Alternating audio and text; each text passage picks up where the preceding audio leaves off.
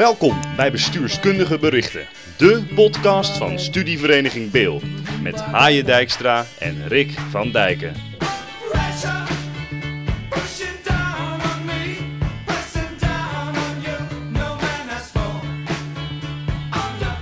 Ja, goedenavond beste luisteraars. Mijn naam is Haaien Dijkstra en ik zit hier samen met Rick van Dijken. Ja, En wij zijn hier vandaag voor de BB Podcast. absoluut. Bestuurskundige berichten. Dat is toch een eh, uniek moment. Het is denk ik de eerste podcast van de Bil. Die Inderdaad. wordt hier nu live opgenomen. En hoe voelt dat om daarbij te zijn? Ja, dit voelt wel alsof de geschiedenis geschreven wordt hier. En Ja. eh, ik hoop natuurlijk dat dit eh, aflevering 1 is, maar dat aflevering 2, 3, 4, 5 enzovoort, Zeker. dat die gaan Het volgen. is een begin van een saga. Ja, dat hoop Ja, ik. zeker, Ja, ja, dat zeg ja. je goed inderdaad. Ja, en bestuurskundige audioberichten dus voor het eerst. Ja. En nou ja, waar gaan we het over hebben? Nou, we hebben heel wat onderwerpen op, de, op het programma staan. Het tweede nummer van de bestuurskundige berichten gaat natuurlijk uitkomen. Ja, met Eh, als thema De toekomst. Een Ja. blik op de toekomst. Ja, en dat doen we eigenlijk eh, in deze podcast ook. Door de artikelen die in die bestuurskundige berichten verschijnen, en die artikelen die daarin staan, om die nou, wat langs te lopen. Om daar eens Ja. even doorheen te freestylen. Zeg maar, Ja, dat je wij eh, gaan spreken met al onze eh, commissieleden, Precies. al onze redacteuren. ja, En daarnaast hebben we nog een interview staan met de nieuwe voorzitter van de BIL. ja, klopt. Ook een Vincent. unieke, unieke kans. Vincent van Daaien, die schuift inderdaad aan. Daar sluiten we ongeveer mee af. Ja, maar misschien gaan we toch nog wel te snel. Want ik kan het me bijna niet voorstellen dat er mensen zijn die nog steeds niet weten wat de bestuurskundige berichten zijn. Nee, ja, dan lukt Maar, maar laten we voor die enkelingen toch nog, eh, nog kort even introduceren. Ja. Eh, even een disclaimer, eh, dit wordt walgelijke zelfpromotie. Ja, Om ja. mezelf even erbij te noemen. Kijk, het is natuurlijk begonnen ongeveer, ik denk anderhalf jaar geleden, toen we het blad eens onder handen kregen. We hebben er toen ook wel eens een stukje voor geschreven en toen dachten we, die zijn terug te vinden op de website Ik overigens. ga die niet kan ik- kijken. Ga alsjeblieft niet kijken. Heel matig schrijven. Ehm, en eh, toen hebben we op een gegeven moment bedacht van ja, wat zou het gaaf zijn om daar een aparte commissie van te maken. Eh, vervolgens hebben we een paar medestanders gevonden, waaronder Rebecca en Justin. Ehm, en eh, toen hebben we op een ALV een motie ingediend. En die is, die is er doorheen gekomen met steun van het bestuur. Dus dat is fantastisch. Daar ging overigens ook nog een position paper aan vooraf. En dan ging ook een, ja, ja, we hebben het eerst eh, via een position paper bij het bestuur dichtgelegd. Vertrouwelijk. Een vertrouwelijk position paper die vervolgens als eh, bijlage is, de stukken van de ALV is opgenomen. Ook die is terug te vinden. Ga daar vooral wel naar kijken. Ja, ja, dat is eh, Eh, irrelevant. Ja, dat is allemaal onderdeel van, eh, van wat er eigenlijk het afgelopen jaar gebeurd is. Ehm, eh, je zou kunnen zeggen dat eh, de BB een, een slapende periode heeft gehad. Waarin ze wel elk jaar uitkwam. Eén dan wel twee keer. Maar niet de naam meer was die het in, nou ja, zeg de jaren 80 en 90 was. Want zo oud is het blad. Eh, in 1986 voor het eerst uitgebracht. En eh, nou ja, in die tijd had het ook echt wel een, een naam en een status Ja. eh, op de universiteit. En, en zeker bij bestuurskundestudenten. En nou ja, wij, wij verlangden eigenlijk een beetje terug naar die tijd. En wij dachten, het Haaskwartiertje is natuurlijk een, een mooi blad, een leuk blad, een informeel blad vooral. Moeten we daar niet een tegenhanger tegenover zetten die wat meer body heeft? En ja, past dat ook niet heel goed bij een studievereniging? Namelijk ook die, echt die formele component. En eh, dat je dus daarin stukken zet die raakvlak hebben met wetenschap, met eh, wellicht wat nieuwswaardigs. Wat je erin plaatst. Ja, en, ja, politiek. Inderdaad, eh, wat, wat meningsvorming. Daar zagen wij een hiaat en die hebben we inderdaad afgelopen jaar proberen in te vullen. Met hulp van het bestuur en onze commissieleden. Nou, dat was... eh, we, hebben, we hebben enorm veel gedaan. eh. Ja, ja, en deze podcast is dan natuurlijk ook een van de resultaten van. ja, en een sluitstuk ook. Ehm, en we hopen natuurlijk, eh, en daar is deze podcast ook een onderdeel van, dat we die lijn volgend jaar door kunnen zetten. En dat wij hier zitten voor aflevering 1.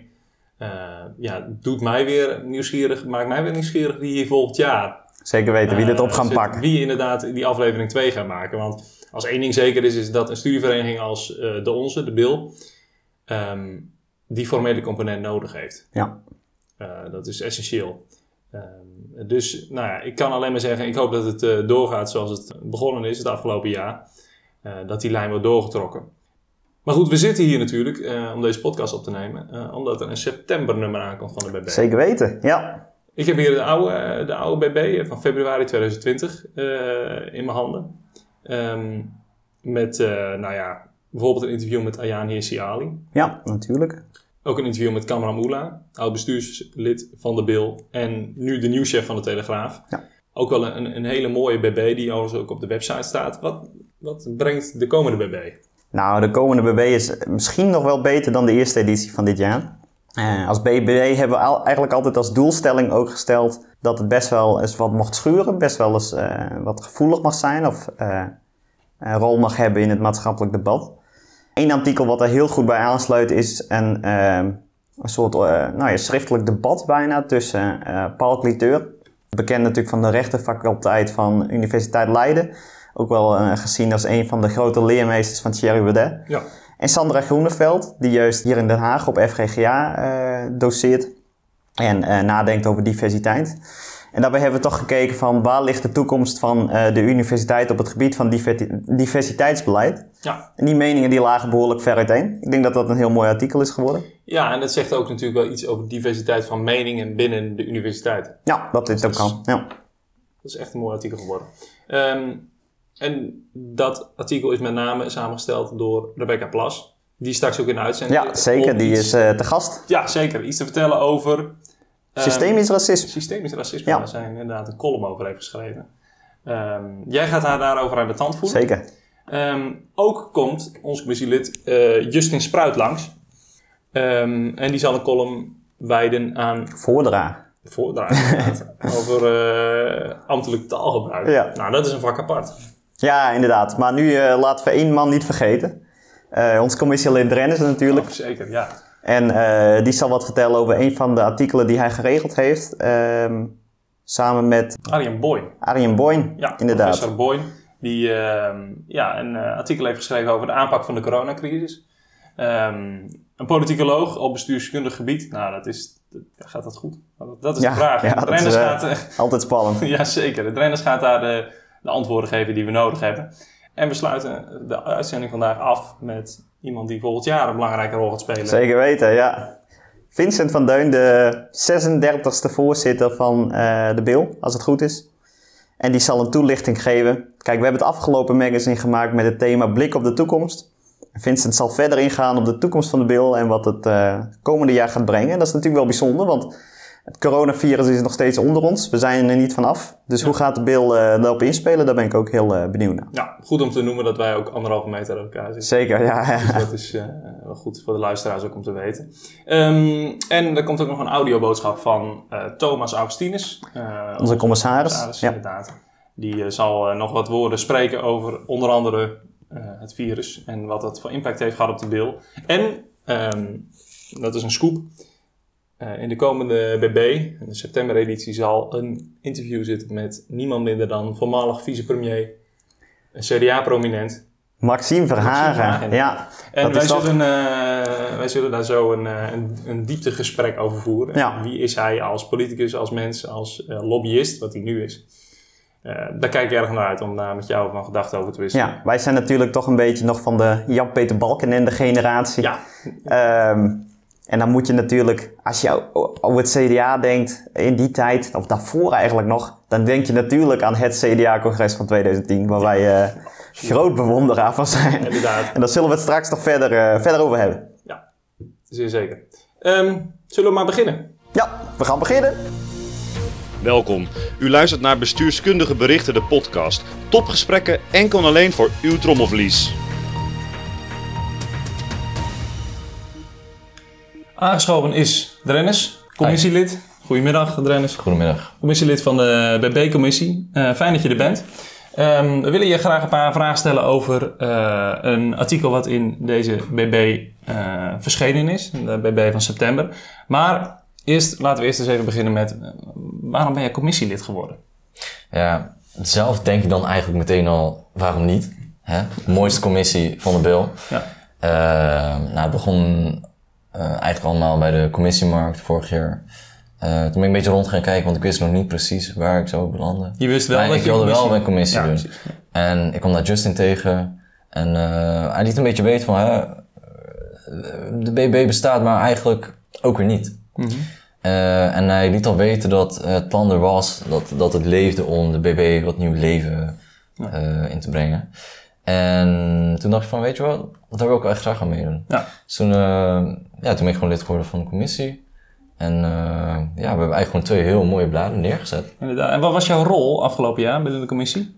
Ehm, in principe algemeen lid. Ik heb eh, samen met Rebecca de verantwoordelijkheid genomen om het hele design van het blad over te nemen. Pittige klus. Ja, by the way, mocht je dit luisteren en je denkt, hey, ehm, ik wil daar mee helpen volgend jaar en je hebt zin in een BB, don't hesitate. Nee, inderdaad. En, En, ook als je, eh, als je absoluut niet kunt ontwerpen, maar wel een, eh, een vlugge pen hebt, dan wees Ja, welkom. Kom er vooral bij. Meld je aan. Maar inderdaad, dus indesignen. En behalve dat heb ik in de vorige BB meegewerkt aan drie artikelen. Mhm. En in deze BB heb ik de verantwoordelijkheid genomen voor twee stuks. Ja, en nu we het daar toch over hebben. Ehm, welke stukjes eh, heb jij in deze BB voor je rekening genomen? Die van eh, september. Ehm, allereerst de, heb ik de Universiteit van Twente erbij weten te betrekken. Wat meer technische bestuurskunde van eh, René Torenvliet en Renke Oswaarde. Die hebben een heel interessant artikel weten te schrijven over de nieuwe digitale bestuurskunde, zou je bijna kunnen zeggen. Ja. Eh, of in ieder geval de rol van digitale middelen in de bestuurskunde. Ja. En wat voor mogelijkheden dat biedt voor de toekomst. Ja. Een heel interessant artikel is dat geworden. Absoluut. Ja. Eh, en verder een artikel van eh, meneer Boyne, professor Boyne, van het instituut Politieke Wetenschap, gewoon van de Universiteit Leiden. Oké, dus die is gewoon van onze club. Inderdaad, hij is hoogleraar publieke instituties en governance. Eh, En eigenlijk is hij toch weer wat meer van crisis management. En daar weten we toch wel een beetje mooi het slijfvlak op te zoeken met bestuurskunde. Oké, maar als ik het goed begrijp, is hij dus een politicoloog? Inderdaad. Eigenlijk. Ja. Oh, Oké, oké. Maar hij, hij, met, met dit artikel begeeft hij zich op bestuurskundig vlak. Kan Ja. zeggen. Ja. Best wel gevaarlijk. ja, inderdaad. Ja. Schoenmaker bij WLE zou je zeggen. Maar heeft hij geleverd? Is het een... Ik, ik, vind, vind dat het artikel er wel mag zijn, ja. Oké, Eh, want, want wat, wat, eh, wat houdt het in? Wat was het doel van het artikel? Ehm, het doel is eigenlijk om te, na te gaan van hoe de aanpak van de coronacrisis eh, is verlopen. En welke vragen daarbij gesteld kunnen worden. En dan specifiek vragen voor bestuurskundigen. Eh, want hij, in principe begint hij eh, met een beetje uitleg van hè, wat is er nou gebeurd, wat was er uniek aan de situatie. Ja. Eigenlijk vooral dat het een heel onzekere situatie was en heel chaotisch. Was Ja. onduidelijk eh, wat men moest doen. Eh, en dan gaat hij wat meer in op eh, de respons eh, van de overheid. En dan later gaat hij ook wat meer kijken van hè, eh, welke rol kunnen bestuurskundigen nog spelen, bijvoorbeeld bij een toekomstige crisis. Want we, we weten eigenlijk toch wel dat er in de toekomst nog wel een crisis gaat komen. Maar in dat soort dingen, crisis, crisis, dat je gewoon niet weet wanneer ze komen en wat voor types het worden. Precies, en daar verdient hij zijn brood mee als crisismanagement eh Ja, pretty much. Ja, inderdaad, ja. Zo kun je het ook nog bekijken. Ehm, in die zin eh, hij, doet hij ook kritische noten. Hij kraakt kritische noten aangaande de politieke aanpak van de coronacrisis. Mhm, Ja, Nou, interessant. Ehm, je zei al, eh, daar hadden we net over, hij is politicoloog van huis uit, maar begeeft zich op bestuurskundig, bestuurskundig vlak. Wat is er nou precies bestuurskundig aan het artikel? Hoe zet hij dat neer? Mm, nou ja, enerzijds kijkt hij natuurlijk wel naar de politieke kant van de situatie. Ehm, hij, noemt ook heel even kort eh, Mark Rutte en eh, echt Den Haag. Maar ja, dat is, we weten al, dat is maar één deel van het verhaal. Dan heb je nog het hele openbaar bestuur Ja. wat buiten de Tweede Kamer valt. Ehm, dus daar, daar kijkt hij ook nog naar. En specifiek maakt hij dus, zoals ik al zei, wat tegen het einde van het artikel stelt hij gewoon wat eh, explicietere vragen van, hè, toekomstige bestuurskundigen, ehm, denk, denk erover na. Ja, en daarmee adresseert hij eigenlijk de lezer. En Inderdaad. de jonge bestuurskundestudenten die wij eigenlijk zijn. Hè, ja, precies. Want kijk, we- wie weet komt er over tien jaar nog een crisis. Tegen die tijd, hè, wij eh, studenten Ja. hopen dan eh, in ieder geval wat werkervaring te hebben. En ja, voor, voor je het weet, mocht je voor de overheid gaan werken, Ja. eh, of in ieder geval in de publieke sector, dan zullen we er waarschijnlijk wel mee te maken krijgen. Dan zitten wij wellicht op de posities waarin we moeilijke keuzes kunnen maken. Ja. En dan is dit een artikel waar je les uit zou kunnen trekken. Inderdaad, dat zegt van, hey, denk erover na. En eh, maak niet dezelfde fouten die er eerder zijn gemaakt. Ja, precies. En zo is die cirkel ook weer rond. Want eh, wat is het thema van deze BB? Blik op de toekomst. Blik op de toekomst. En dat doet Arjen Boyne in dit artikel inderdaad op een manier die eh, heel leerzaam is. Ehm, Zowel uit, vanuit politicologisch oog, oogpunt als uit bestuurskundig oogpunt. Eh, dat brengt hij daar samen. En eh, nou, ik heb genoten om- van het eh, lezen van het artikel. Nou, ik ook. Eh, via deze weg eh, willen we professor Boyd ook bedanken voor zijn bijdrage. Eh Dennis, ik wil jou ook bedanken voor jouw bijdrage hier Graag eh, in, deze, in deze podcast. Leuk dat je dit even met ons wilde delen. En eh, nou ja, voor de mensen die benieuwd zijn naar het artikel, nou, ik neem aan dat het alle luisteraars zijn naar dit eh, wervende verhaal van Dennis. Ehm, dan is het BB beschikbaar op de website van de Bil. Dennis, bedankt. Joep. De bestuurskundige berichten. Het beste van de bil.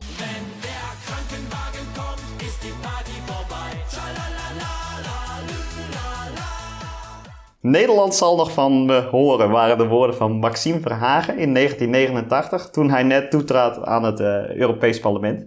En Nederland heeft nog van hem gehoord, dat kunnen we inmiddels wel concluderen, denk ik. Hij heeft natuurlijk carrière gemaakt binnen het CDA. Eh, we kennen hem allemaal van het partijcongres van het CDA, natuurlijk in 2010. En voor deze BB hebben wij hem geïnterviewd.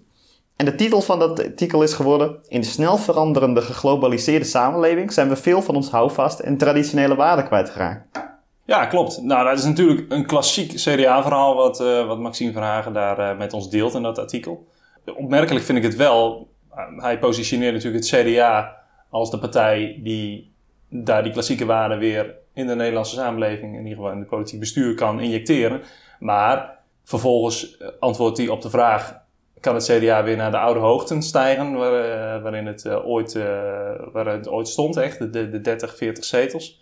Daar antwoordt hij dan weer ontkennend op. Ja. Dat is in het gefragmenteerde politieke landschap onmogelijk geworden. Ja, inderdaad. Dat is toch zijn.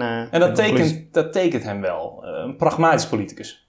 Ja, Met een zakelijk politiek profiel, volgens mij ook. Dat is Ja, althans zeker, mijn ja. indruk eh, altijd geweest. ja. Ehm, interessant artikel. eh interessant interview wat we met hem hadden. Ehm, jij stelde een kritische vraag in het interview. Laten we daar meteen eh, de koe bij de hoorns vatten. Over zijn, ehm, zijn lobbywerkzaamheden. Die ja inderdaad. Ja, ja, Het is, wat, de draaideur is natuurlijk ook binnen bestuurskunde altijd wel een thema. Dus je ziet over, heel vaak dat mensen vrij snel van het bedrijfsleven naar de politiek of andersom gaan. En Maxime Verhagen is eh, vrij snel na zijn politieke carrière eh, voorzitter geworden van Bouwen Nederland. Ehm, nou ja, daar hebben we hem toch eh, over gevraagd. Van, ehm, daar komt kritiek op. Hoe kijkt u daarna? Zijn conclusie was eigenlijk wel dat die kritiek niet terecht was. Sterker nog, dat die kant nog wel raakt. Ja. Dus ehm, hij heeft natuurlijk een punt dat hij ervoor kiest om eh, te gaan werken... in plaats van gebruik te maken van een wachtgeldregeling... waar een minister wel eh, eh, recht op heeft. Ja. En volgens hem zou er ook geen belangenverstrengeling kunnen zijn... omdat hij natuurlijk minister van Buitenlandse Zaken was. Dus hij had niet te maken met het terrein waar hij nu op werkt. Nee, klopt.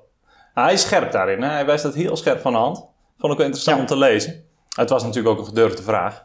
Eh, maar hij is natuurlijk wel, dat, dat lobbyistenleven is hem natuurlijk wel op het lijf geschreven. Ja, Als je ook ziet hoe hij dat nu doet als voorzitter van Bouwen Nederland. Echt wel gewaagde, echt waagstukjes heeft hij wel gedaan. Bijvoorbeeld eh, met eh, de PFAS-crisis, de stikstofcrisis. zeker. Dat hij daar gewoon op dat Malieveld gaat staan en de bouwers van Nederland toespreekt. Gedurfd. Ja, dat is niet iets wat, wat de voorzitter van Bouwen Nederland eerder gedaan heeft, volgens mij. Eh, dus dat is eh, interessant. En nou ja, zeker omdat ehm, een andere CDA-prominent daarnaast hem stond. Van VNO-NCW, de voorzitter Hans de Boer. zeker weten. Die wij wellicht ook ooit eens geïnterviewd hebben. Ehm, eh, be- beide hele markante mannen. Ja, en misschien wel leuk om te vertellen. Onlangs loop ik dus in Den Haag, loop ik op straat. ja. En ik, ik loop, het was dicht bij het, dicht bij het stadhuis, het IJspaleis. En ehm, nou, ik, ik loop daar op straat en eh, ik zie eh, in mijn rechterooghoek uit een lobbykantoor niemand minder dan Maxime van Hagen eh, komen lopen. Ja, wat doe je dan? Weet je, je ziet een bekend iemand, dan kun je weer afstrepen op je lijstje. Maar toch, ehm, ik was samen met Thomas Augustinus, onze commissaris. En we dachten, we moeten hem wel even aanspreken. Ja, ja, natuurlijk. Ja. dus wij wachten tot hij vervolgens die tuin uit kwam lopen. We hielden onze pas een beetje in. En daar komt hij inderdaad die tuin uitzetten. Eh, hij kijkt ons aan en nog eens en nog eens. Maar wij waren, nou, wij wachten een geschikt moment af. Maar goed, ehm, hij was ons voor. En hij zegt, tjoh, wat een wind hè. Het was een stormige dag. hè? Ja, dus eh, wel gewoon een heel. een- gewoon een hele vriendelijke man. Want ja, het is niet zo iemand die je zou verwachten dat je zo op straat aanspreekt. En Wij waren het van plan, hij sprak ons eerst aan. Ja. En nu komt het. Hij steekt de straat over. Nadat wij hem bedankt hebben voor zijn bijdrage natuurlijk. Hij steekt de straat over. En wie staat daar om hem te wachten? Nou? Hans de Boer. Nee, De serieus? voorzitter van VNO. Ja, ja, ja. Dus je ziet dat daar ook wel lijntjes lopen. Eh, allebei CDA, allebei lobbyist. Die wel een soort vriendschap. eh, Ja. Ik kan het niet helemaal hard maken, maar het zijn, volgens mij zijn het wel eh, kameraden. Hoe denk je dat beide mannen terugkijken op afgelopen jaar? Want zijn dit nou topjaren voor bestuurders? Ze hebben natuurlijk eh, eh, eerst te maken gehad met de stikstofcrisis en de PFAS-crisis. Die werd door Rutte de grootste crisis genoemd die hij ooit had meegemaakt. Ja, dat had hij ook in tien jaar.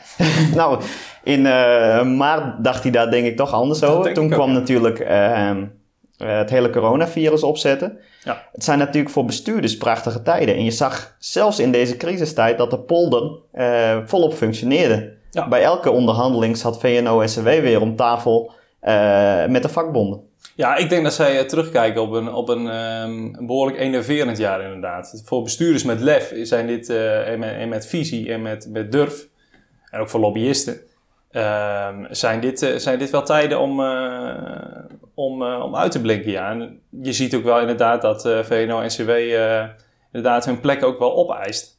Uh, Maxime Verhagen is ook gewoon heel veel in het nieuws om te pleiten voor, ehm, voor het extra bouwen van huizen. Dus je ziet dat hij ook gewoon wel een hele open stel heeft als lobbyist. Vind ik wel aansprekend. Ehm, maar goed, hij is natuurlijk, hij is natuurlijk hij heeft een lange staat van dienst al. Hij is natuurlijk begonnen in Oegstgeest Ja. als gemeenteraadslid. Vervolgens via het Europese parlement. Is, daar is hij lid ja. van geweest, de Tweede Kamer ingekomen. Nou, dat, ze hebben er meer gedaan. Eh, Janine Hennis bijvoorbeeld. Eh, die heeft diezelfde route bewandeld. Ja, opmerkelijk. Eh, is fractievoorzitter geworden van het CDA. Dat was in 2002. Ehm, en is toen doorgestoten naar een kabinetspost in 2007. Minister van Buitenlandse Zaken geweest. Echt dat internationale profiel. Wellicht komt dat ook via zijn Europese route die hij heeft bewandeld. Ehm, en minister van Economische Zaken, Landbouw, Innovatie. En eh, ja, hij is in die tijd ook vicepremier geweest. Dat was het, eh, Ja. het kabinet Rutte met, eh, met gedoogsteun van de Wilders. Inderdaad, en dan komen we natuurlijk, dat is eigenlijk onvermijdbaar, bij het CDA-congres van 2010. Want op het moment rammelt het weer wat binnen het CDA. Ja. Er is natuurlijk een lijsttrekkersverkiezing geweest die niet heel overtuigend gewonnen werd door Hugo de Jonge. Eh, er was een hoop onrust over eh, stemmen die op de verkeerde persoon zouden zijn gekomen. Heel dubieus. Eh, heel veel onderzoeken ingesteld. Eh, spannende tijden natuurlijk. Maar het is uiteindelijk nog niks vergeleken met 2010. Ja, dat waren nog eens tijden, ja. Laten we, laten we even luisteren naar eh, Ja, wat, ja, ja. wat, eh, een andere CDA-prominent toen sprak tegen uh, Ja, ook uit het zuiden des, eh, des lands. Een ja. CDA-lid uit Valkenburg. ja, komt. Beste partijvrienden, onze partij heeft het heel erg moeilijk. En tegelijkertijd hebben wij het grootste congres in de Nederlandse geschiedenis. Onze volkspartij die staat en die leeft. En ik sta hier dan ook als een trots CDA-lid uit Valkenburg. Ik ben CDA, ik blijf CDA, ik word nooit van mijn leven van de PVV. Maar weet u mensen, dat hoeft ook helemaal niet. Maxime, jij hebt hier uit je hart gesproken. Jij hebt je hier openbaard, het diepste van je ziel met ons gedeeld. En zo ken ik jou al twaalf jaar lang. Jij bent een mens van vlees en bloed, je bent een christendemocraat in hart en nieren. Jij zult onze idealen nooit verloochenen.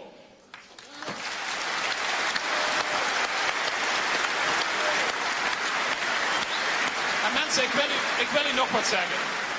Ik wil u nog wat zeggen. Als ik de introductie zie van Henk Bleker. Ik had de tranen in mijn ogen, Henk. Christendemocraat puur zo. Jij hebt ook gewikt en gewogen. En jij staat ook voor deze opdracht. En weet je wat zo mooi is? Wij zijn hier met 5000 mensen.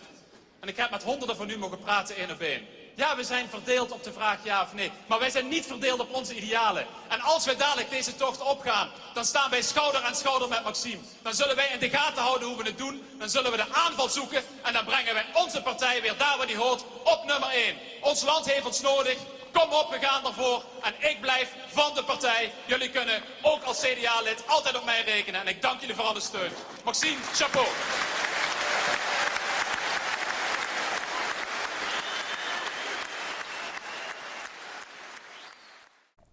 Ja, dat is toch voor mij ook een van mijn eerste politieke herinneringen misschien wel, dat congres. Ja, ik zou eigenlijk willen dat als je bestuurskunde of politicologie student, eh, iets in die richting, dat je dit gewoon, dit moet gewoon... Dit zou het eerste college moeten kost. zijn. Ja, ja, ja. Gewoon integraal kijken gewoon. Ja.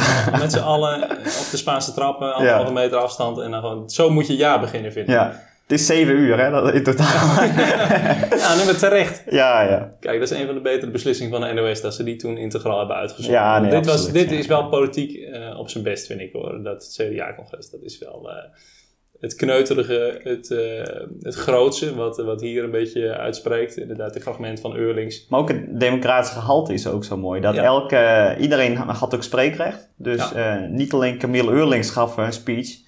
Maar iedereen die eh, wat wou zeggen, die, die had de mogelijkheid daartoe. Ja. Dus dat werd eigenlijk een, echt een hele mooie volksbijeenkomst. Waarom lag dit zo gevoelig?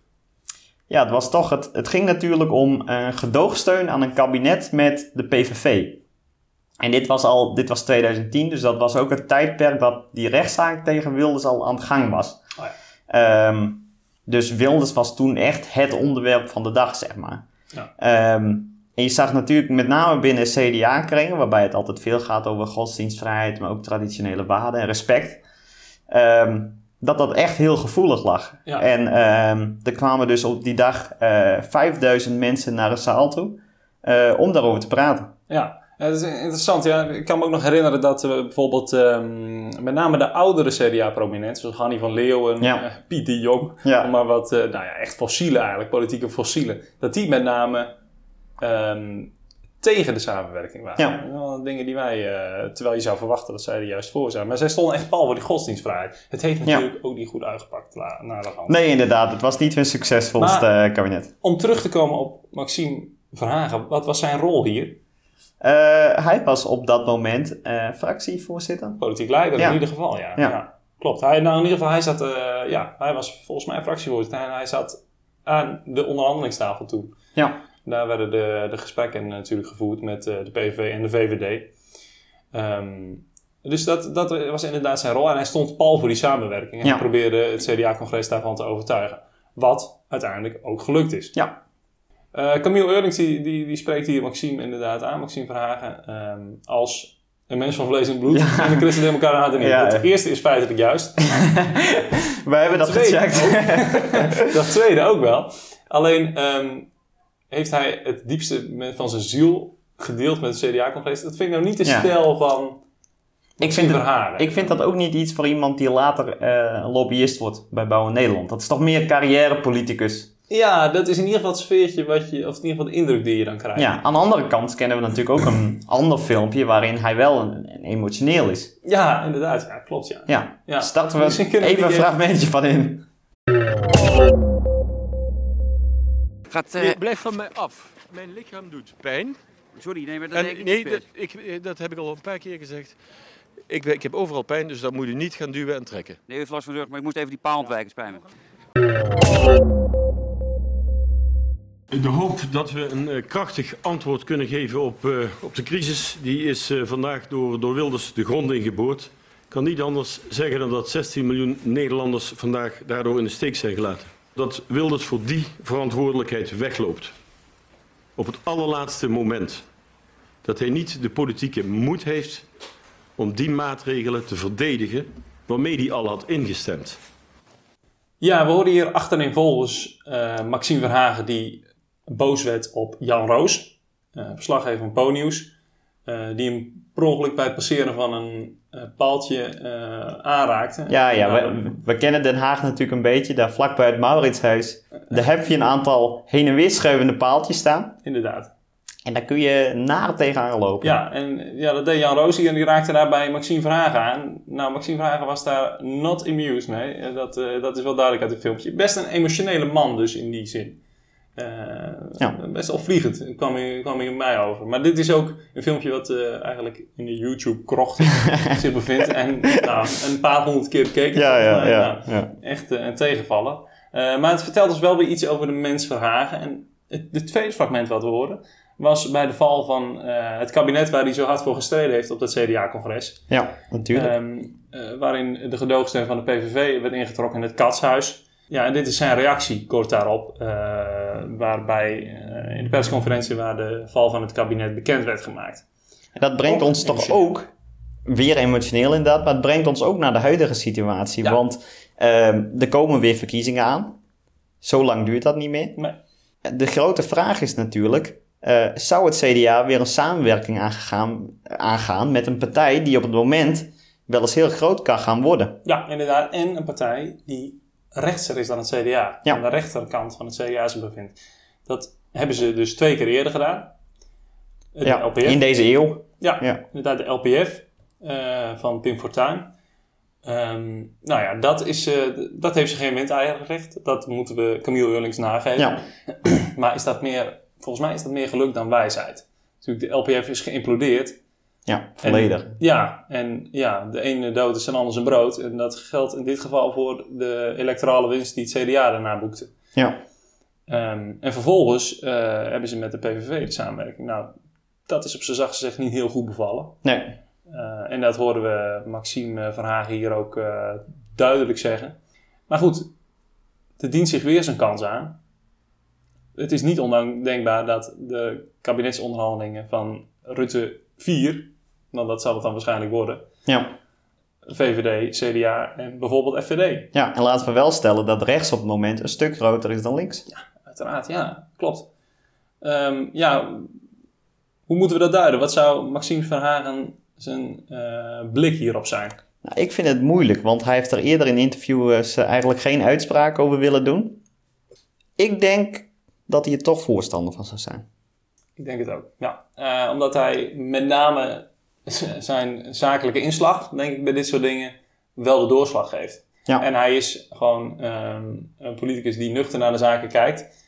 En die in zo'n geval, wanneer zijn kans zich aandient en eh, wanneer de kaarten goed liggen en het CDA kan weer meedoen en het verschil maken in zo'n coalitie, denk ik wel dat hij daar voorstander van is. Ook vanuit een soort stabiliteit voor het land. Ja. Dat dat ook erg eh, gewaardeerd wordt. Precies. Of het echt zal gebeuren is natuurlijk maar de vraag. Eh, dit is, er zit nog een hoop tijd tussen nu en, eh, en de verkiezingen. Ehm, maar het is wel interessant om erover na te denken. Ja. En zeker wat CDA-prominenten als Maxime Verhagen, eh, die nog steeds een stevige vinger in de pap hebben, vermoed Ja. Wat zulke prominenten vinden van nou, een samenwerking met de FVD bijvoorbeeld. Interessant om daarover na te denken. Ja, tot zover. Tot zover. Je luistert naar Bestuurskundige Berichten, de podcast. Bestuurskunde, maar dan boeiend. Ja, we hebben een heel aantal CDA-prominenten al voorbij horen komen in Zeker, deze, ja. deze podcast. Eh, Maxime Verhagen, Hans de Boer. Eh, maar ja, Camille Eurlings. Ja, Camille Eurlings. Maar goed, de lijst is natuurlijk niet compleet zonder dat ook deze man het woord heeft gevoerd. Eh, hij is hier met een column over wollig ambtelijk taalgebruik. Het woord is aan Justin Spruit. In de geweldige serie Yes Minister en de daaropvolgende Yes Prime Minister gaat het over Sir Humphrey Appleby, de secretaris-generaal van het ministerie van Administrative Affairs en minister Jim Hacker. Deze serie illustreert de stereotypes over politici en ambtenaren tot in perfectie. Een ware aanrader voor bestuurskundigen met een zwak voor de Britse humor. In deze serie praat Sir Humphrey de minister voortdurend onder tafel. Een vertaald voorbeeld. Sir Humphrey. Ik vraag me af of ik mag verlangen naar uw kortstondige toegeeflijkheid om te voldoen aan een in geen geval onaangename verplichting in de loop der jaren min of meer ingeburgerd is geraakt in de overheidsdienst, als we de einddatum van het, het jaar naderen. Kalender, natuurlijk, niet financieel. In feite, om er geen te mooi punt van te maken, week 51 en om u, met alle respect, op een geschikt moment een oprechte en heilzame verwachting. Ja, vertrouwen. Ja, men zou zelfs zo ver kunnen gaan om hoop te zeggen. Dat de genoemde periode kan zijn, uiteindelijk, wanneer alle relevante factoren in aanmerking zijn gekomen, genomen, kan een eindoordeel worden geveld dat in zijn geheel genomen niet onbevredigend is. En kan het, bij rijp beraad, aanleiding zijn om te veroordelen dat er een mate van bevrediging is geweest, die achteraf als aanzienlijk hoger dan het algemeen gemiddelde zal worden beschouwd. Jim Hacker. Probeer te zeggen, gelukkig kerstfeest Humphrey. Yes, minister. Terug naar Nederland. Het ideaalbeeld van de uitermate wollige ambtenaar was iemand die helemaal geen ambtenaar is geweest. Het was de man die de term Lubberiaans inspireerde. Voormalig premier Ruud Lubbers van het CDA kon door zijn wollige taalgebruik Kamerleden en journalisten volledig om tafel praten. Zijn manier van het beantwoorden van vragen was zelfs zo gecompliceerd en langdradig dat zelfs mensen met kennis van zaken vaak geen taal vast konden knopen. Het was ook een tactiek. Jargon. Moeilijke woorden en langdradige antwoorden geven om zo de aandacht af te leiden van wat hij daadwerkelijk vond of moest gebeuren. Een bekend voorbeeld van dit taalgebruik. Dit probleemveld moet worden neergetunneld in de motie, om langs deze weg en in lijn met de afspraken met het kabinet al zwaluwstarend de pijnpunten snelstens en bestens af te concluderen. Even eerlijk, ik heb geen idee wat ik juist heb gezegd en wat hiermee wordt bedoeld. Dit gaat ook mijn pet te boven. Laat staan de gemiddelde timmerman. Maar waarom is het taalgebruik van ambtenaren zo saai? Als de gemiddelde backbencher, zo droog als de, als de Sahara en zo formeel als prinses Beatrix. Omdat het als doel heeft om de lezer dom te laten voelen natuurlijk. Zo van, laat het landsbestuur maar aan ons over, domme pauper. Ambtelijk taalgebruik heeft als doel om door middel van formeel taalgebruik de lezer daarvan op afstand te zetten. Door dit cryptische gebruik van taal zorgt dit ervoor dat er een wij-zij-perspectief wordt geschetst. Alleen de ambtelijke insiders, die dit taalgebruik snappen, blijven de beleidstukken lezen. De ambtelijke outsiders, onder ambtenaren ook wel bekend als de plebs, stoppen snel met het lezen van beleidstukken. Hierdoor wordt de macht van de ambtenaren alleen nog maar groter. Dit terwijl de ambtenaren op hun positie zitten om zaken daadwerkelijk te regelen voor de burgers. Door hun taalgebruik laten ambtenaren bewust de burgers zich vervreemden van het beleid. Daarom stel ik voor om ambtelijk proza te versimpelen. Laat die ambtenaren zeggen waar het op staat. Kort, to the point. En zonder ellenlange bijzinnen die in feite niks bijdragen. Maar daarmee wel hun minister de wind uit de zeilen kan worden gehouden. Maar het is gevaarlijk om ten strijde te trekken tegen ambtelijk taalgebruik.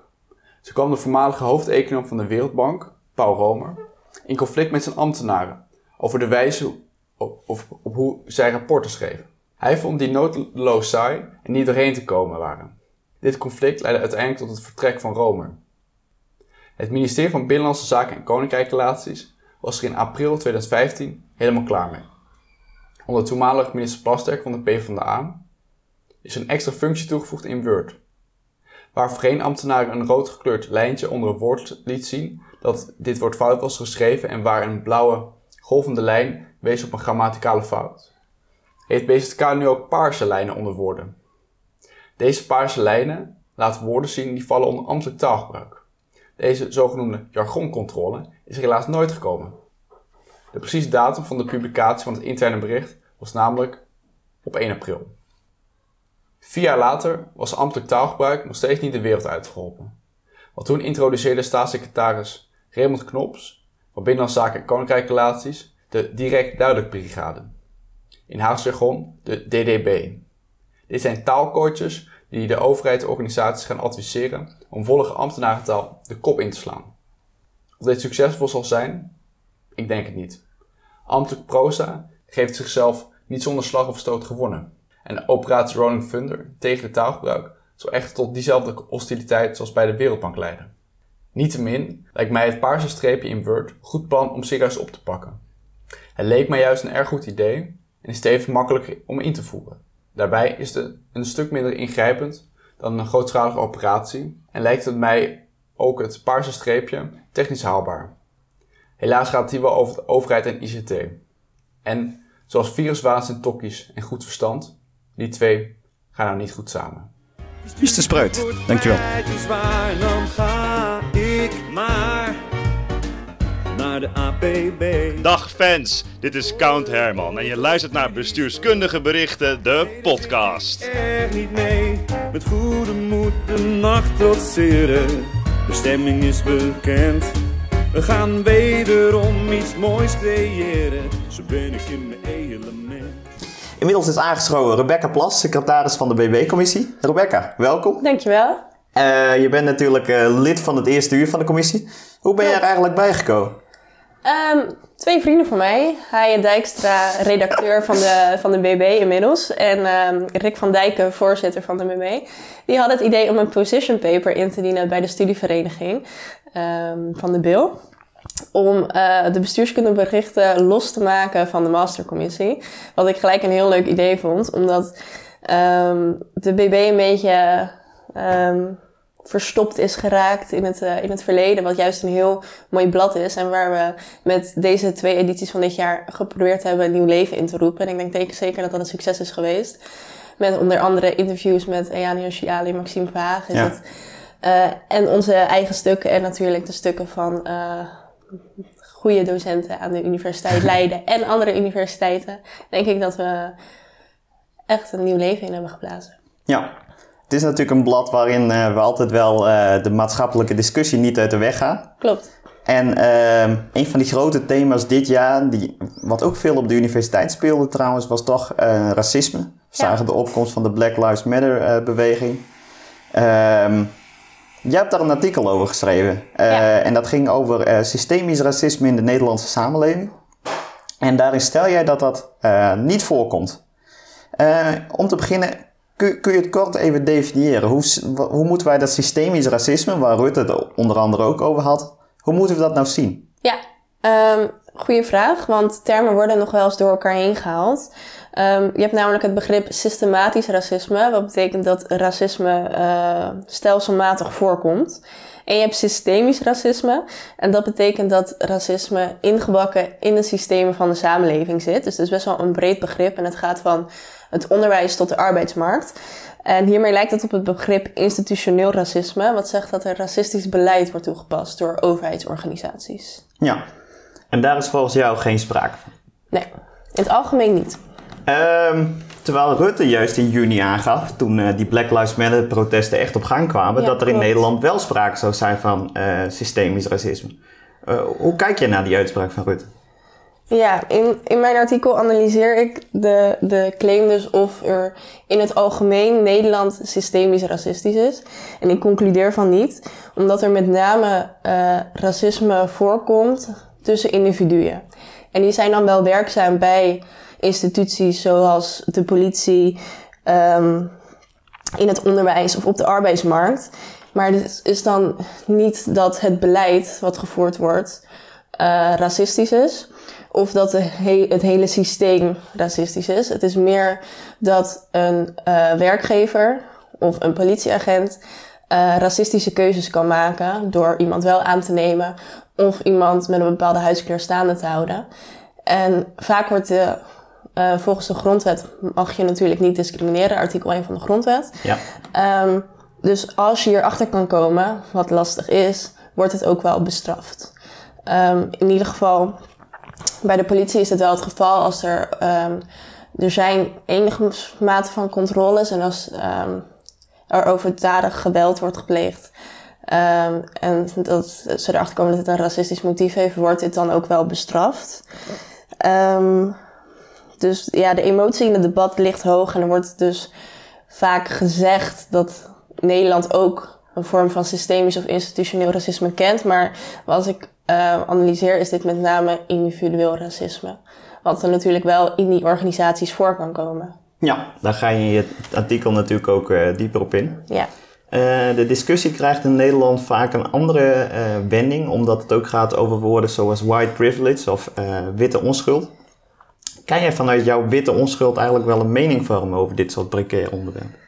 Ik denk het wel, want ik denk niet dat je op basis van iemands huidskleur kan zeggen dat je eh, wel of niet ergens een mening over mag hebben. En eh, ergens over mag nadenken en je over uit mag laten. Ik denk dat dat juist racisme is en dat we in Nederland niet willen. Ehm, ik denk dat bestuurskundigen over allerlei soorten maatschappelijke problemen na moeten denken. Dus ongeacht je huidskleur. Ehm, en het verleden ligt in het verleden en we leven nu. En we hebben een democratie, we hebben een grondwet, we hebben een multiculturele samenleving. En onze taak is juist dat we dit werkende maken en juist over dit soort problemen met elkaar praten. Ja. Kun jij vanuit die bestuurskundige context ook een voorbeeld geven van een geval bij de overheid waar misschien wel sprake was van eh, systemisch racisme? Ja, ja dat is een eh, uitzondering wat ik in mijn artikel eh, kort wel aanhaal. In het algemeen denk ik dus niet dat er sprake is van institutioneel racisme in Nederland, want die claim wordt wel vaak gespuwd. Ehm, maar ehm, bij de Belastingdienst onlangs hadden we de kindertoeslagaffaire, wat waarschijnlijk iedereen wel ehm, weet. En dit, dit zou volgens de definitie van institutioneel racisme, zou dit institutioneel racisme zijn, uh, aangezien uh, racistisch beleid werd toegepast um, door de Belastingdienst. Omdat ze speciaal mensen gingen met, uh, op hun nationaliteit gingen checken. Um, dus volgens de definitie is het dit, maar ik vind het zelf alsnog een lastige kwestie. Uh, omdat er um, individuen verantwoordelijk zijn geweest voor het beleid. Zoals natuurlijk de minister verantwoordelijk is voor het beleid. Individuele ambtenaren hebben dit uitgevoerd. En achteraf um, is zijn natuurlijk ook ambtenaren vervolgd en uh, is het beleid op de schop gegaan nu.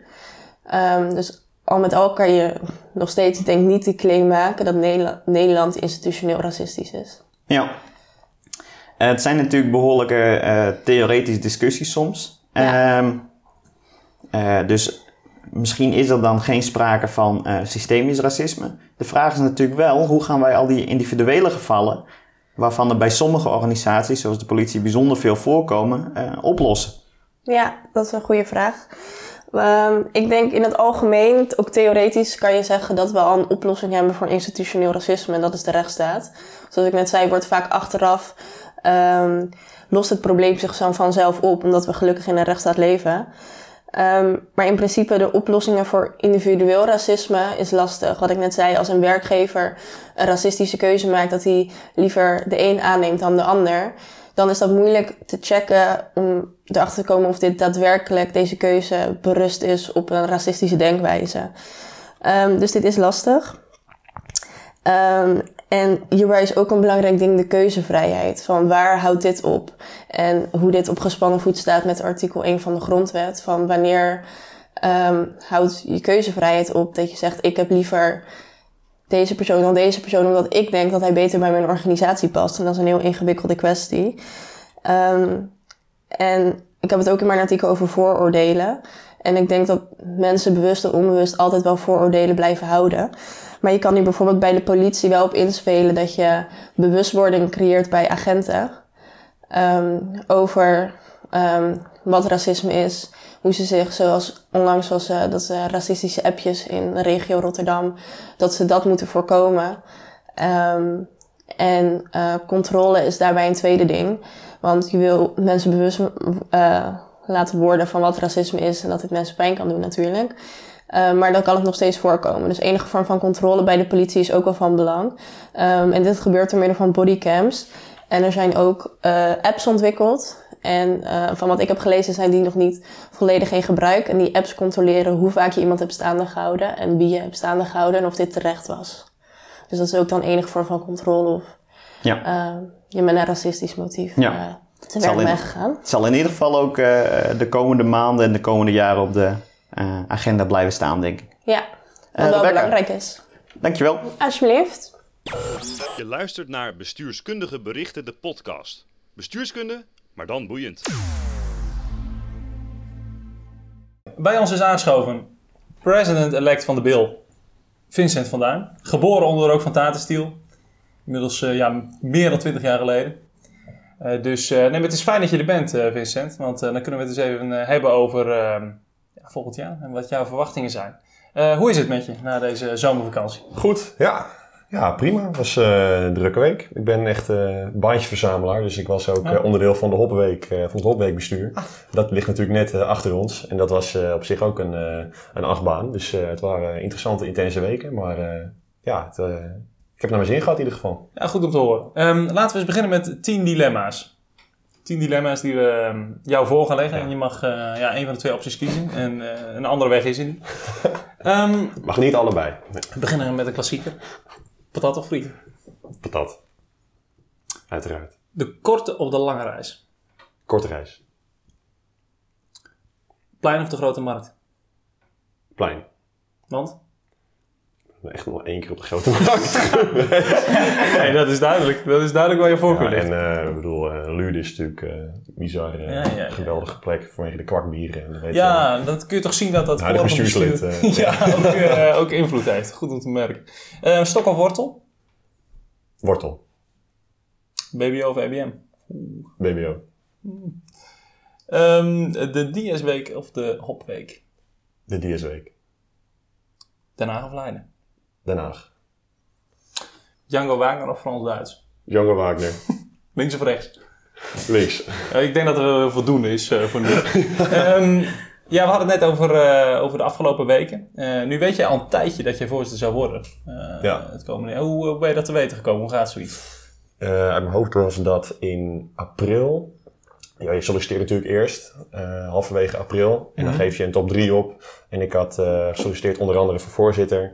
Ehm, en dan maken ze het eigenlijk vrij snel bekend al later die week. Dus dat was hartstikke fijn. Mhm. En dan belt je voorganger belt je op. Eh, en dan weet je natuurlijk eigenlijk al, ja, als je denkt dat je het wordt, dan eh, kun je ook aan de stem horen wat je dan eh, geworden bent. Ja, ja, en Bob belde mij op van, eh, nou, wil je bij een, eh, bij een opvolger worden? En toen was ik heel erg van, eh, ja, ja, ja, ja, vet, vet, vet. ja, sowieso, natuurlijk, natuurlijk. Ik had heel, heel weinig tekst. Ja. Maar ik was in ieder geval heel blij. Dus, eh, en toen kwamen alle appjes binnen en zo. Want ik kwam op Insta. Dus dat was gewoon eh, ja, super vet. Ja, super nice inderdaad. Ja. Jij hebt ehm, natuurlijk eh, de afgelopen zomer eh, je dus gericht op, ehm, op andere dingen dan uh, Ja. voorzitterschap van de Bil. Maar Zeker. ik neem aan dat je er al wel over hebt nagedacht. Ja. Wat zijn jouw verwachtingen van komend jaar? Ja, we hebben er zeker over nagedacht. We zijn eh, op eh, beleidsweekend geweest met het eh, kandidaatsbestuur.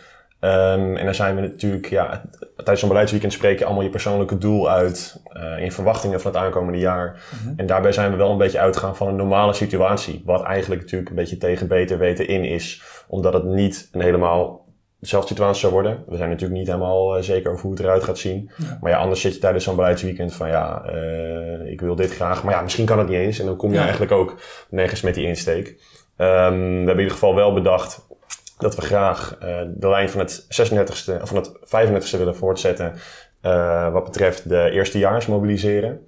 Ja. Ehm, dus daar hebben we ook afgelopen weken al wat, eh, wat eh, dingen voor gedaan. Zoals een eh, presentatie bij de LCIT. Was wel online helaas. Ja, ja. Eh, maar alsnog wel wat mensen kunnen bereiken via een startje studie evenement van de faculteit. Hetzelfde gedaan. We hebben een filmpje opgenomen laatst wat vandaag getoond is toevallig ehm, tijdens een introductiedag voor de nieuwe bestuurskundestudenten. Ja. Dus we hebben ook wel redelijk wat inschrijvingen. Ehm, dus ja, het gaat op zich de goede kant op. Eh, dus wat dat betreft, ja, wat dat betreft zijn we goed bezig. Ja, dus, dus Ehm, echt, daar zitten jullie echt op in, die eerstejaars. eh, ja, ja, zeker. Kijk, de huidige, de afgelopen eerstejaars die dan nu tweedejaars worden, dat is gewoon een hele actieve lichting. Ja, klopt, dus ja. we hopen heel erg dat die, eh, zodra alles weer natuurlijk gewoon kan, dat die eh, als konijnen uit een hol komen schieten en er gewoon weer bij zijn. Dat zou top zijn. Ja. Eh, dat was op afgelopen borrel ook al, ook al het geval, dus dat was hartstikke goed om te zien. Ja, dat is mooi inderdaad. Ja. Het is belangrijk natuurlijk ook dat dat van onderop doorleeft. Ja, dus zeker. het is wel goed om te horen dat jullie daar zo actief mee bezig zijn. Ehm, wat zijn eigenlijk eh, vanuit de universiteit de regels aangaande activiteiten die fysiek kunnen plaatsvinden? Dat is natuurlijk het, Nou ja, het hete hangijzer. Precies, ja. Nou, de universiteit heeft eh, eh, zich vooral gericht de afgelopen tijd op een beleid voor de introductieactiviteiten. Mhm. Dus normaal zouden wij natuurlijk met het eerste jaar zouden we een weekend weggaan. Maar dat kon helaas nu niet, nu niet doorgaan. Voor 1 september was alles verboden. Maar we zijn nu wel bezig met een aantal introductieactiviteiten voor daarna. Mhm. Die dan op anderhalve meter moeten gewoon op de coronamaatregelen natuurlijk aansluiten. Ja. Eh, en daarbij hoort specifiek voor introductieactiviteiten dat het zonder alcohol moet zijn, eh, voor tien uur afgelopen moet zijn. Eh, ja, en dat, zeg maar, maar dat zijn de specifieke Ja. extra regels. Dus dat is natuurlijk lastig. Dat is jammer. Ja. Daarna willen we natuurlijk ook heel veel activiteiten gaan organiseren voor de hele vereniging. Ja. Voor alle leden. Dus als we de eerste jaar geïntegreerd hebben in een vereniging zo snel mogelijk, dan zou dat top zijn. En dan kunnen we vanaf daar eh, gewoon verder werken. Mhm. Het belangrijkste voor ons is om zo snel mogelijk eh, onzekerheid weg te nemen. Dus dat wij eh, door goede communicatie met de universiteit en via onze eigen creativiteit binnen het bestuur en binnen de commissies die we nog sowieso gaan instellen in de eerste weken van september, dat we gewoon een duidelijker programma hebben voor de komende maanden. En dat is Mhm. natuurlijk altijd onderhevig aan veranderingen van, door de coronamaatregelen. Ja, natuurlijk, ja. Maar dat er wel iets meer verwachting bij de leden kan zijn van oké, hier zijn we aan toe bij de bill. Eh, dit soort activiteiten krijgen we. Ja. Eh, hier hebben we wat aan. Precies, iets van een basis. Want ja, nu zit je een beetje ouder in die open. Exact. En eigenlijk geen idee wat er nu precies gaat gebeuren. Ja. Alright. En, maar ik hoor je zeggen, we gaan gewoon de commissies instellen. Eh, ook de, de reiscommissies? Ja, zeker. reis, Ja. Eh, Dat is inderdaad nog wel eh, gewoon het plan dat we die gaan instellen. Er is op dit moment eh, een, eh, een uitgangspunt bij de universiteit eh, dat ze voor 1 februari geen studiegerelateerde reizen willen hebben. Dus dat houdt in exchange, maar ook eh, dit soort studiereizen van verenigingen. Mhm. Eh, dus dat is natuurlijk voor ons balen, want normaal gesproken zou onze korte reis eind janua- januari zijn. Dus die valt Ja. nu net binnen de regeling nog. Ehm, dus we gaan kijken binnen de Unie wat er mogelijk is, of dat echt een har- harde regel is. Mhm. Het is natuurlijk een regel die de Unie zelf bedacht heeft. Het is in principe geen, geen overheidsbeleid. Ja. Dus we gaan kijken, zou daar een, eh, ja, is daar speling in? En anders kunnen we een ander moment plannen voor die korte reis. eh, wel in het begin van 2021, maar dan Mhm. na 1 februari eventueel. Wat heel moeilijk is. Ehm, maar ja, dus we moeten kijken wat de mogelijkheden zijn. Ja. Dat zijn de opties. Nou, je hebt een bepaalde speelruimte en je moet kijken wat je daar natuurlijk als vereniging eh, in kunt doen. Zeker, zeker. Ja, en dat is ook heel belangrijk. We zijn ook eh, van plan om. eh, ja, je hebt normaal gesproken heb je al heel veel overleg binnen tussen verenigingen. Ja. Dus je hebt echt de overleggen van de, van de bestuurskundeverenigingen door Nederland. Ja, klopt. Dus dat is interessant om dat te intensiveren. Dat gaat via het, het LOB, het Landelijk Overleg Bestuurskunde. Dus dat is eh, ja, dit jaar een extra bruikbaar eh, orgaan. Dan kun je gewoon ja. kijken, inhoudelijk zitten zij met dezelfde punten. Dus Ja, natuurlijk... en inderdaad, de best practices uitwisselen. voorstellen. Exact, ja. ja. En dan heb je ook nog binnen de universiteit, eh, de verenigingen onderling, gewoon van de faculteit Den Haag. Ja, wat doen die? Welke, wat voor ruimtes gebruiken ze? Exact. Ehm, hoe houden ze zich aan de regels? Ehm, wat is hun communicatie naar de leden toe? Dat soort dingen. Dat zal Ja. extra, extra belangrijk en extra leuk worden. Ja, ja nee, dat kan ik me voorstellen. En Ja. eh, ja, je kunt dan niet inderdaad eh, ideeën uitwisselen. Want je hoeft natuurlijk niet het wiel opnieuw uit te vinden als iemand anders het Exact, al... eh, exact, ja. Dat is inderdaad een slimme zet, denk ik. Ehm, maar nu we het toch even over de bil hebben. Wat, wat in deze tijden van, nou ja, waar het in ieder geval op lijkt, voornamelijk online onderwijs. Ja, zeker. Wat zijn jullie prioriteiten als, ehm, eh, als vereniging, zeg maar, als, Ja. als bestuur in die zin? Nou, op onderwijsgebied is het voor ons denk ik heel belangrijk om flexibel te zijn. Kijk, wij zijn natuurlijk al, al altijd bezig met de boekverkoop, met de samenvattingen, met de belpanels. Dus echt het feedback eh, gedeelte vanuit de studenten naar de docenten, dat er echt een gesprek eh, plaatsvindt. Eh, en ik denk dat dat extra belangrijk eh, zal zijn. Dus dat gaan we zeker, eh, daar gaan we zeker heel veel focus op leggen. Mhm. Maar ik denk ook dat we kunnen verwachten dat eh, in deze tijden van ja, online onderwijs, hoorcolleges, het onderwijs ziet er heel anders uit. Dat de BIL misschien een extra taak hierin zou kunnen gaan vervullen. En Mhm. hoe dat er precies uitziet, ja, dat denk ik dat het de komende maanden uit moet wijzen. Eh, wat zijn de problemen waar tegen aangelopen wordt binnen het, eh, het, online, eh, het online onderwijs? Mhm. Ehm, is er iets waar de BIL daarbij kan helpen? En ja, hoe dat er precies uitziet, dat is gewoon lastig in te schatten nu. Mhm. Ehm, maar ja, daar hebben we in principe IDA die daar hartstikke scherp bovenop zit op onderwijs. Ehm, dus ja, wat dat betreft zijn we flexibel. Ja, ja oké. Maar jullie zijn wel van plan ook met het online onderwijs dus kansen te pakken. En de boekverkoop, eh, de samenvattingen, dat, dat blijft. Ja, ja, boekverkoop is nu natuurlijk eh, gestart voor, de, Ja. eh, voor, de, voor blok 1. Ehm, ja, de samenvattingen kun je dan denken dat dat gewoon opnieuw nagelopen wordt. Dat dat gewoon up-to-date is. Dat doet elk bestuur natuurlijk. Ja. Maar dat we dit jaar gewoon daar nog een hogere prioriteit van maken. Ja, natuurlijk, ja. ja.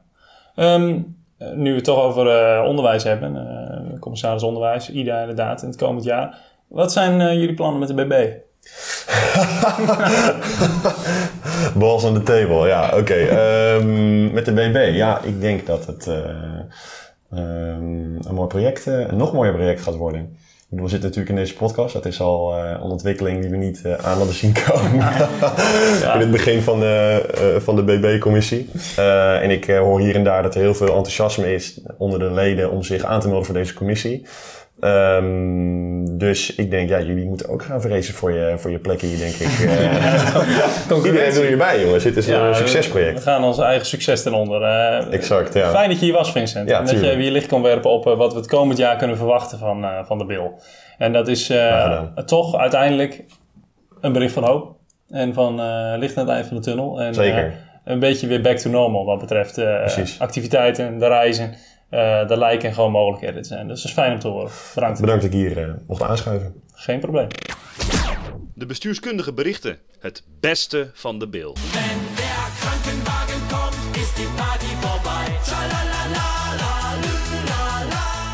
En daarmee zijn we eigenlijk alweer aan het eind gekomen van deze podcast. Klopt. Eh, ik heb ervan genoten. Het is voorbij. Maar we hebben nog iets, hè? Ja. Mag ik hierbij het woord geven aan ons commissaris onderwijs, Thomas Augustins. Voor de Bil was het dit jaar het 35e jaar, het zevende lustrum. Het jaar begon heel goed En we hebben veel nieuwe enthousiaste leden mogen verwelkomen. En tot op het laatste feestje, op woensdag 11 maart, waren de activiteiten bomvol. En er stond nog heel wat op de planning voor de tweede helft van het jaar. Maar de dag na het interfacultaire feest zal ons allemaal nog wel even bijblijven. Dit was namelijk de dag van de persconferentie, waarbij werd aangekondigd dat de universiteiten tot 31 maart gesloten zouden zijn. Op dat moment is er een briefje op de beelkamer gehangen met de tekst gesloten tot 31 maart. Helaas zal het briefje nog wel een aantal maanden blijven hangen. Uiteindelijk is de Lustronweek zoals wij die kennen niet doorgegaan, eveneens de AJD en de reis naar Seoul die op de planning stonden. Maar dit betekent niet dat de beeld stil zat. Er werden online evenementen georganiseerd, bepaalde commissies zijn ook online doorgegaan en het jaar is gewoon afgesloten met een echte borrel. Wel geheel volgens de RIVM-richtlijnen natuurlijk. Het begon allemaal vorig jaar, toen wij van het 95 bestuur een proposition paper kregen van een aantal enthousiaste leden met het voorstel om de bestuurskundige berichten weer een nieuw leven in te blazen en een commissie op te zetten.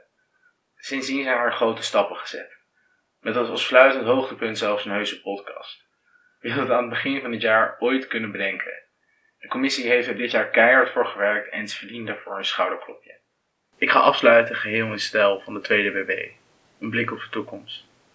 Ik wil graag mijn opvolger Ida en de commissie van volgend jaar veel succes wensen.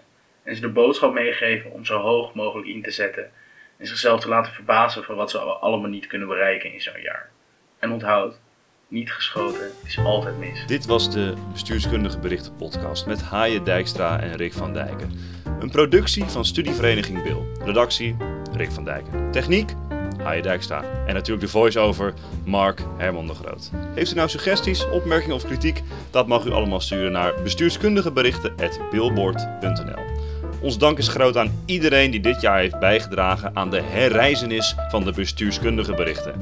Wil jij volgend jaar ook politici interviewen, columns schrijven of natuurlijk podcasts maken? Geef je dan op voor de bestuurskundige berichtencommissie tijdens de commissiekennismaking van de BIL.